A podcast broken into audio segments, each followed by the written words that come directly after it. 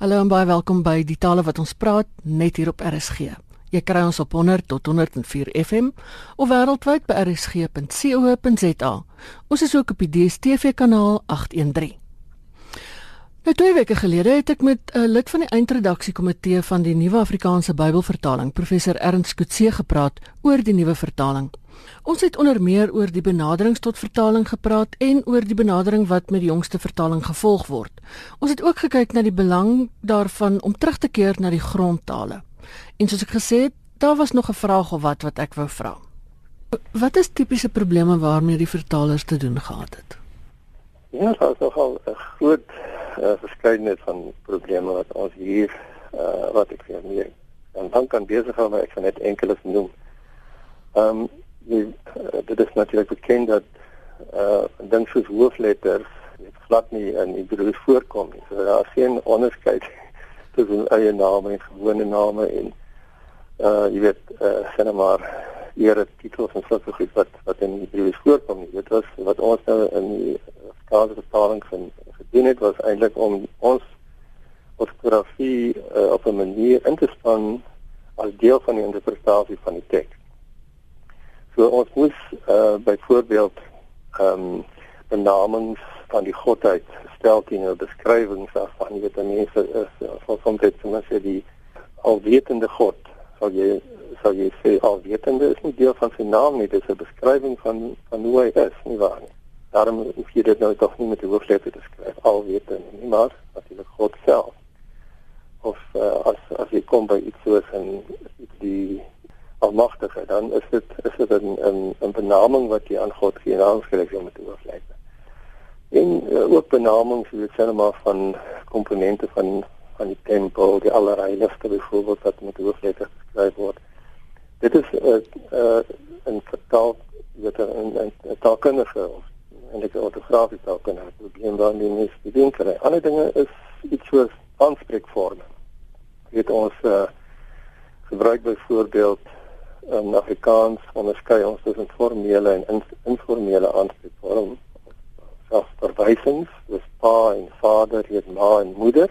Altyd hierdie forme word baie baie dit word nog in moderne Afrikaans gebruik.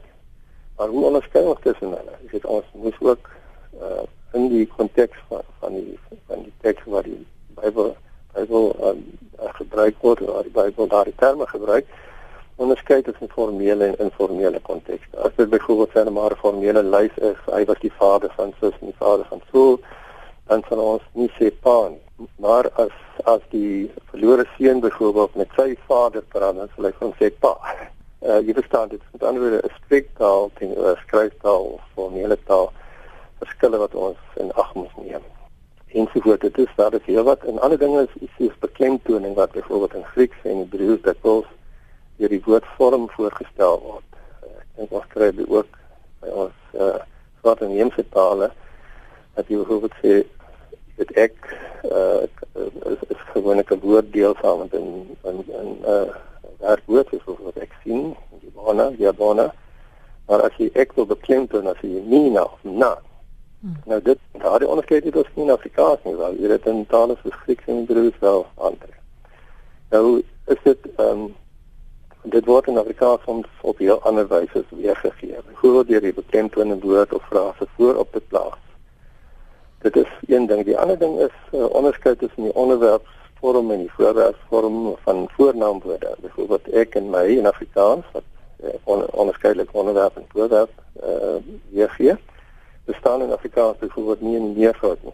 Ons weet hulle en ons kan onderwerp of voorwerp. Want dit kan lei tot uh, dubbelsinnigheid as jy dit net so vertaal.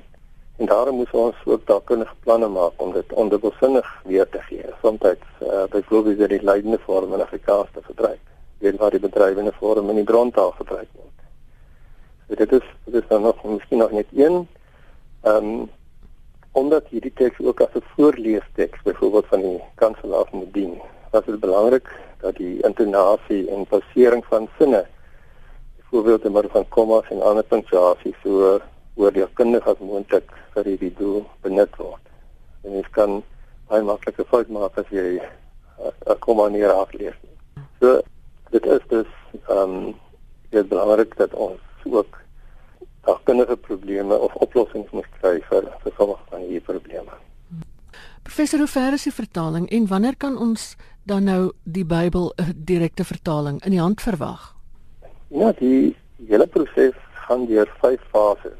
Uh, nou nie alles vir in besonderhede vertel nie, maar belangrikste is dat die eerste 3 fases uh, om dit vanuit die rou teks eintlik vanuit die die brontaal te vertaal en dan weer 'n sogenaamde intravertaler in goeie Afrikaans te vertaal is die eerste fase.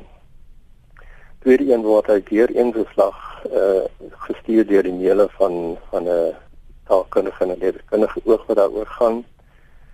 As dit klaar is, dan kom dit by die derde fase uit by die sogenaamde redaksionele komitee vir die spesifieke uh, boek van die Bybel, die tenminste die Testament, die Nuwe Testament, Ou Testament of die Deuteronomiese boeke. En as dit klaar is, dan ehm um, is, is die fase 3 verby en dan eintlik wat dan nog moet voorlê is van konsekwensiekontrole moet gedoen word.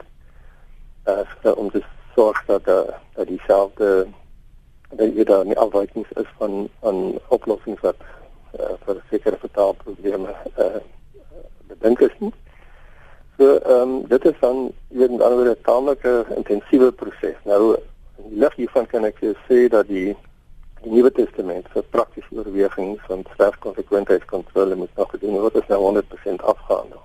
Die Ou Testament wat betref die fase 2 of die eerste deurwerk van die teks deur die ehm um, uh, redaksionele komitee is naby aan die einde. Maar moet nog ten volle deur uh, fase 3 gaan. Die hele te uh, Ou Testament. Dit wil sê die finale deur lees deur die redaksionele komitee en reaksie daarop of die reaksie op en die kommentaar van deur alle partye, kerklike leerders en ensovoorts. En in hierdie opsig is die Deuteronomiese boeke ook reeds feitelik voltooi 97% en wat nou moet gebeur dan is dat moet die Ou Testament en uh weet die volle aandag nou moet uh, geniet. En die Bybelgenootskap het die einde van 2020 as sterk gestel vir die publikasie. Nou dit beteken dat die teks in die middel van 1919 omtrent um, afge afgelewer moet word. En ons het dus nog so 2,5 jaar van harde werk voor. Jo. Nou dis seker 'n hele span mense wat aan die hele proses werk. O ja, nee, absoluut dit is uh, in die opsig is dit ook 'n groot uh is daar ook 'n groot verskil ehm um, weet vir elke Bybelboek insluit binne die die Deuteronomiese boek is daar 'n boekspan wat bestaan uit twee eksegete of teoloë rondtaalkenners van die betrokke taal Afrikaanse taalkundige of ook letterkundige en dan wat genoem word 'n intravertaler dit is nou professionele vertalers digters ja. en tolke ehm um, iemand wat die ruwe teks is letterlik uit die brandtaal vertaal en paslik Afrikaans herskryf. Daar is dus omtrent 6 medewerkers per boek. Nou sommige mense werk in meer as een boek, maar in totaal werk daar ongeveer omtrent 180 individue saam. Dit sommige korter en sommige langer tydperke. Dit was die bekende taalkundige professor Ernst Kutse, 'n lid van die eindredaksiekomitee van Die Bybel, 'n direkte vertaling. Daar is ook 'n makliker webadres wat luisteraars solank kan gaan besoek om te sien hoe lyk die nuwe Bybelvertaling. Die adres www.bybeldirektevertaling.co.za skynstreep. Alles onderkas, alles aan mekaar. www.bybeldirektevertaling.co.za skynstreep. Kollega Christel van Tonner het onlangs met 'n merkwaardige vrou gepraat. Mary Ann Ello leer buitelandse diplomatiese kinders Afrikaans. Sy noem haarself 'n evangelis vir Afrikaans. Kom ons hoor wat sê sy. Miriam, baie dankie dat jy by my kom kuier hier so by RSG. Dit 'n baie baie interessante storie. Jy is oor jy jy's Portugees, jy's Engels, maar jy leer vir kinders Afrikaans. Vertel my kortliks hoe hierdie Afrikaanse invloed in jou lewe ingekom het. It started because I lived in Germiston. I grew up in Germiston, and Germiston, as those days in the 60s and 70s, was a mining town, really. And my neighbours, the Potgietes, were my brothers and sisters. My play friends were Afrikaans people. And then I moved from um, Germiston to Little Lady Brand in the Free State. It's a tiny little Afrikaans dorp with a beautiful Inige Kerk in the middle, that sort of thing.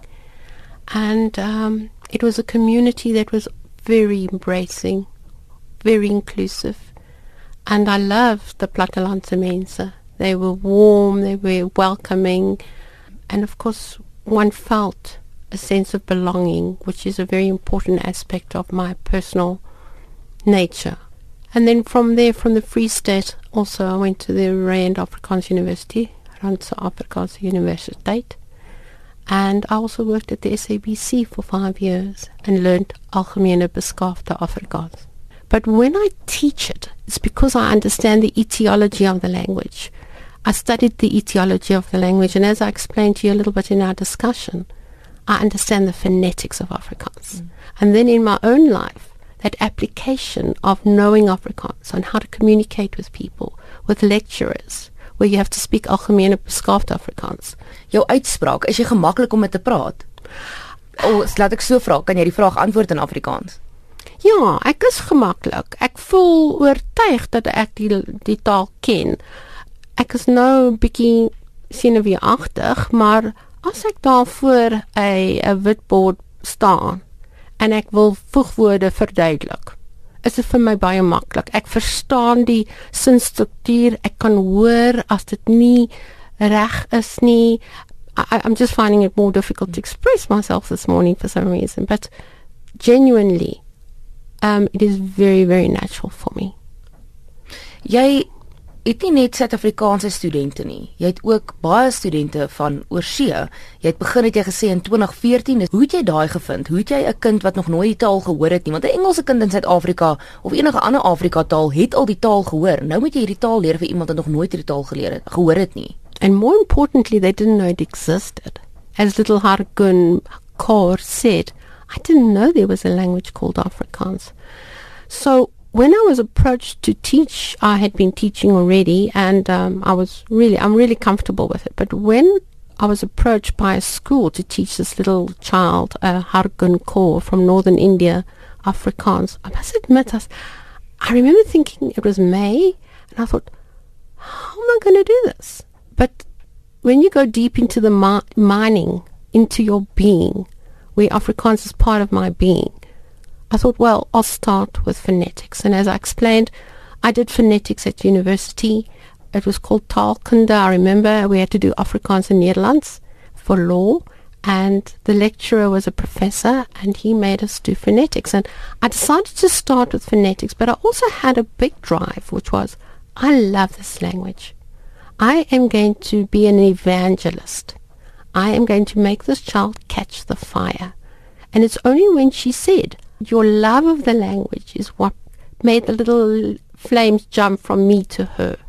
And that's evangelism. And I'm an Afrikaans evangelist. I love the language. I, I believe in the language. I think it has so much to offer.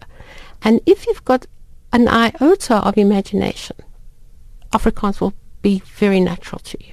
Jy sê jy's baie lief vir die taal. Jy hou daarvan om na dit te luister. Jy leer dit. Jy's goed daarmee. Wat is dit? Is daar iets spesifieks wat vir jou uitstaan oor die taal? Is dit vir jou mooi? Is dit vir jou kleurvol? Wat is dit? You know, it's because it's literal.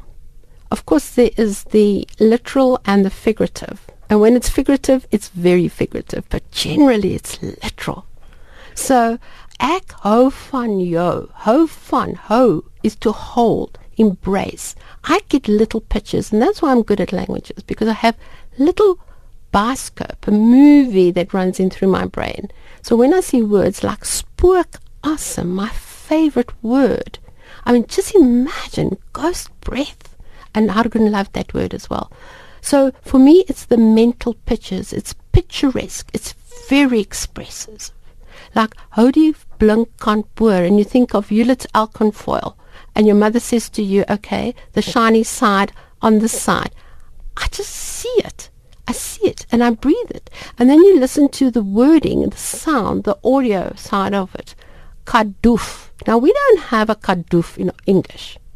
Okay, kadoof is an Afrikaans sound of something falling off, but it's so expressive.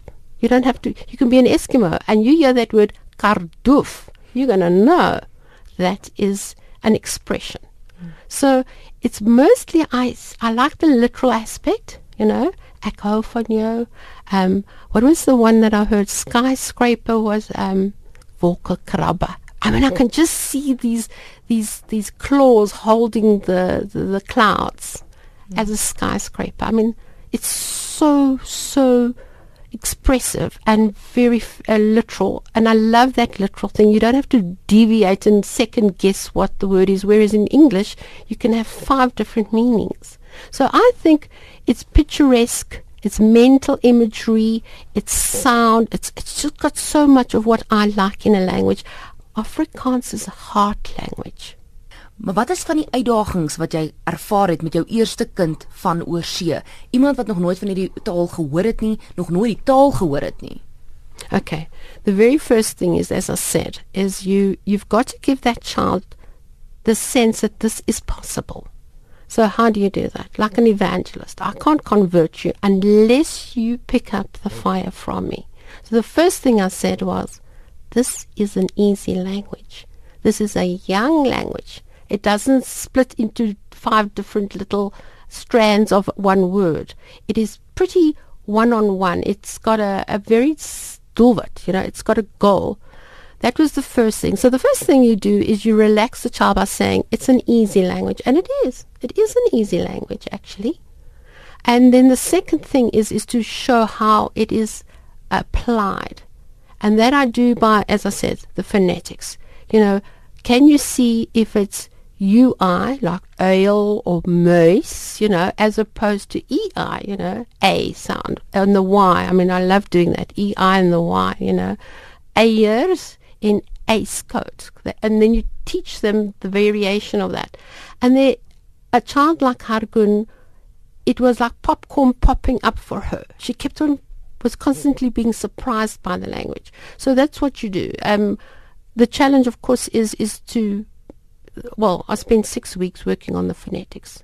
And while you're explaining the phonetics and making the child in front of a mirror, and I mean, they hate it hate it because their mouth has to change. They have to look at where the shape of the mouth goes, the sounds, the guttural sounds. But I think that's the confrontation they have. They sit there in front of the mirror. I'm quite relentless. I'm quite relentless. And they will make these sounds. And they're self-conscious until they start seeing it being fun. And then they listen and they focus and they internalize. That's my secret. I give them the time to internalize what they're learning and then it becomes a part of you. Die maklikste manier om 'n taal te leer, jy moet 'n goeie rede hê hoekom jy die taal wil leer. Jy moet 'n motivering hê. Hoekom leer hierdie kinders Afrikaans? Hoekom hulle kom nou van 'n ander land af? Hulle kan Engels praat of van hulle kan Engels praat. Hoekom Afrikaans? Okay, that's a that's a government thing, okay? And the rule is if they're going to stay in the country more than 3 years, they have to learn Afrikaans. If they are in junior school, even if they stay one year, they have to learn Afrikaans. That is just the rule. Hargun was here for four years, and my French student will be here for four years. So she's going to write matric and, and do Afrikaans matric. And I can tell you, I, I just hope I have, I don't run out of time or steam in helping her because she's a far away from that. I think my Northern Indian child was very unusual, and, and the words you used there were the motivation. Hargun said when her father went back to them and said, we're going to South Africa and you have to learn a language called Afrikaans. we could have told her, you have to learn how to stand on your head with your ears, you know, flat back. It was so incredibly strange for her.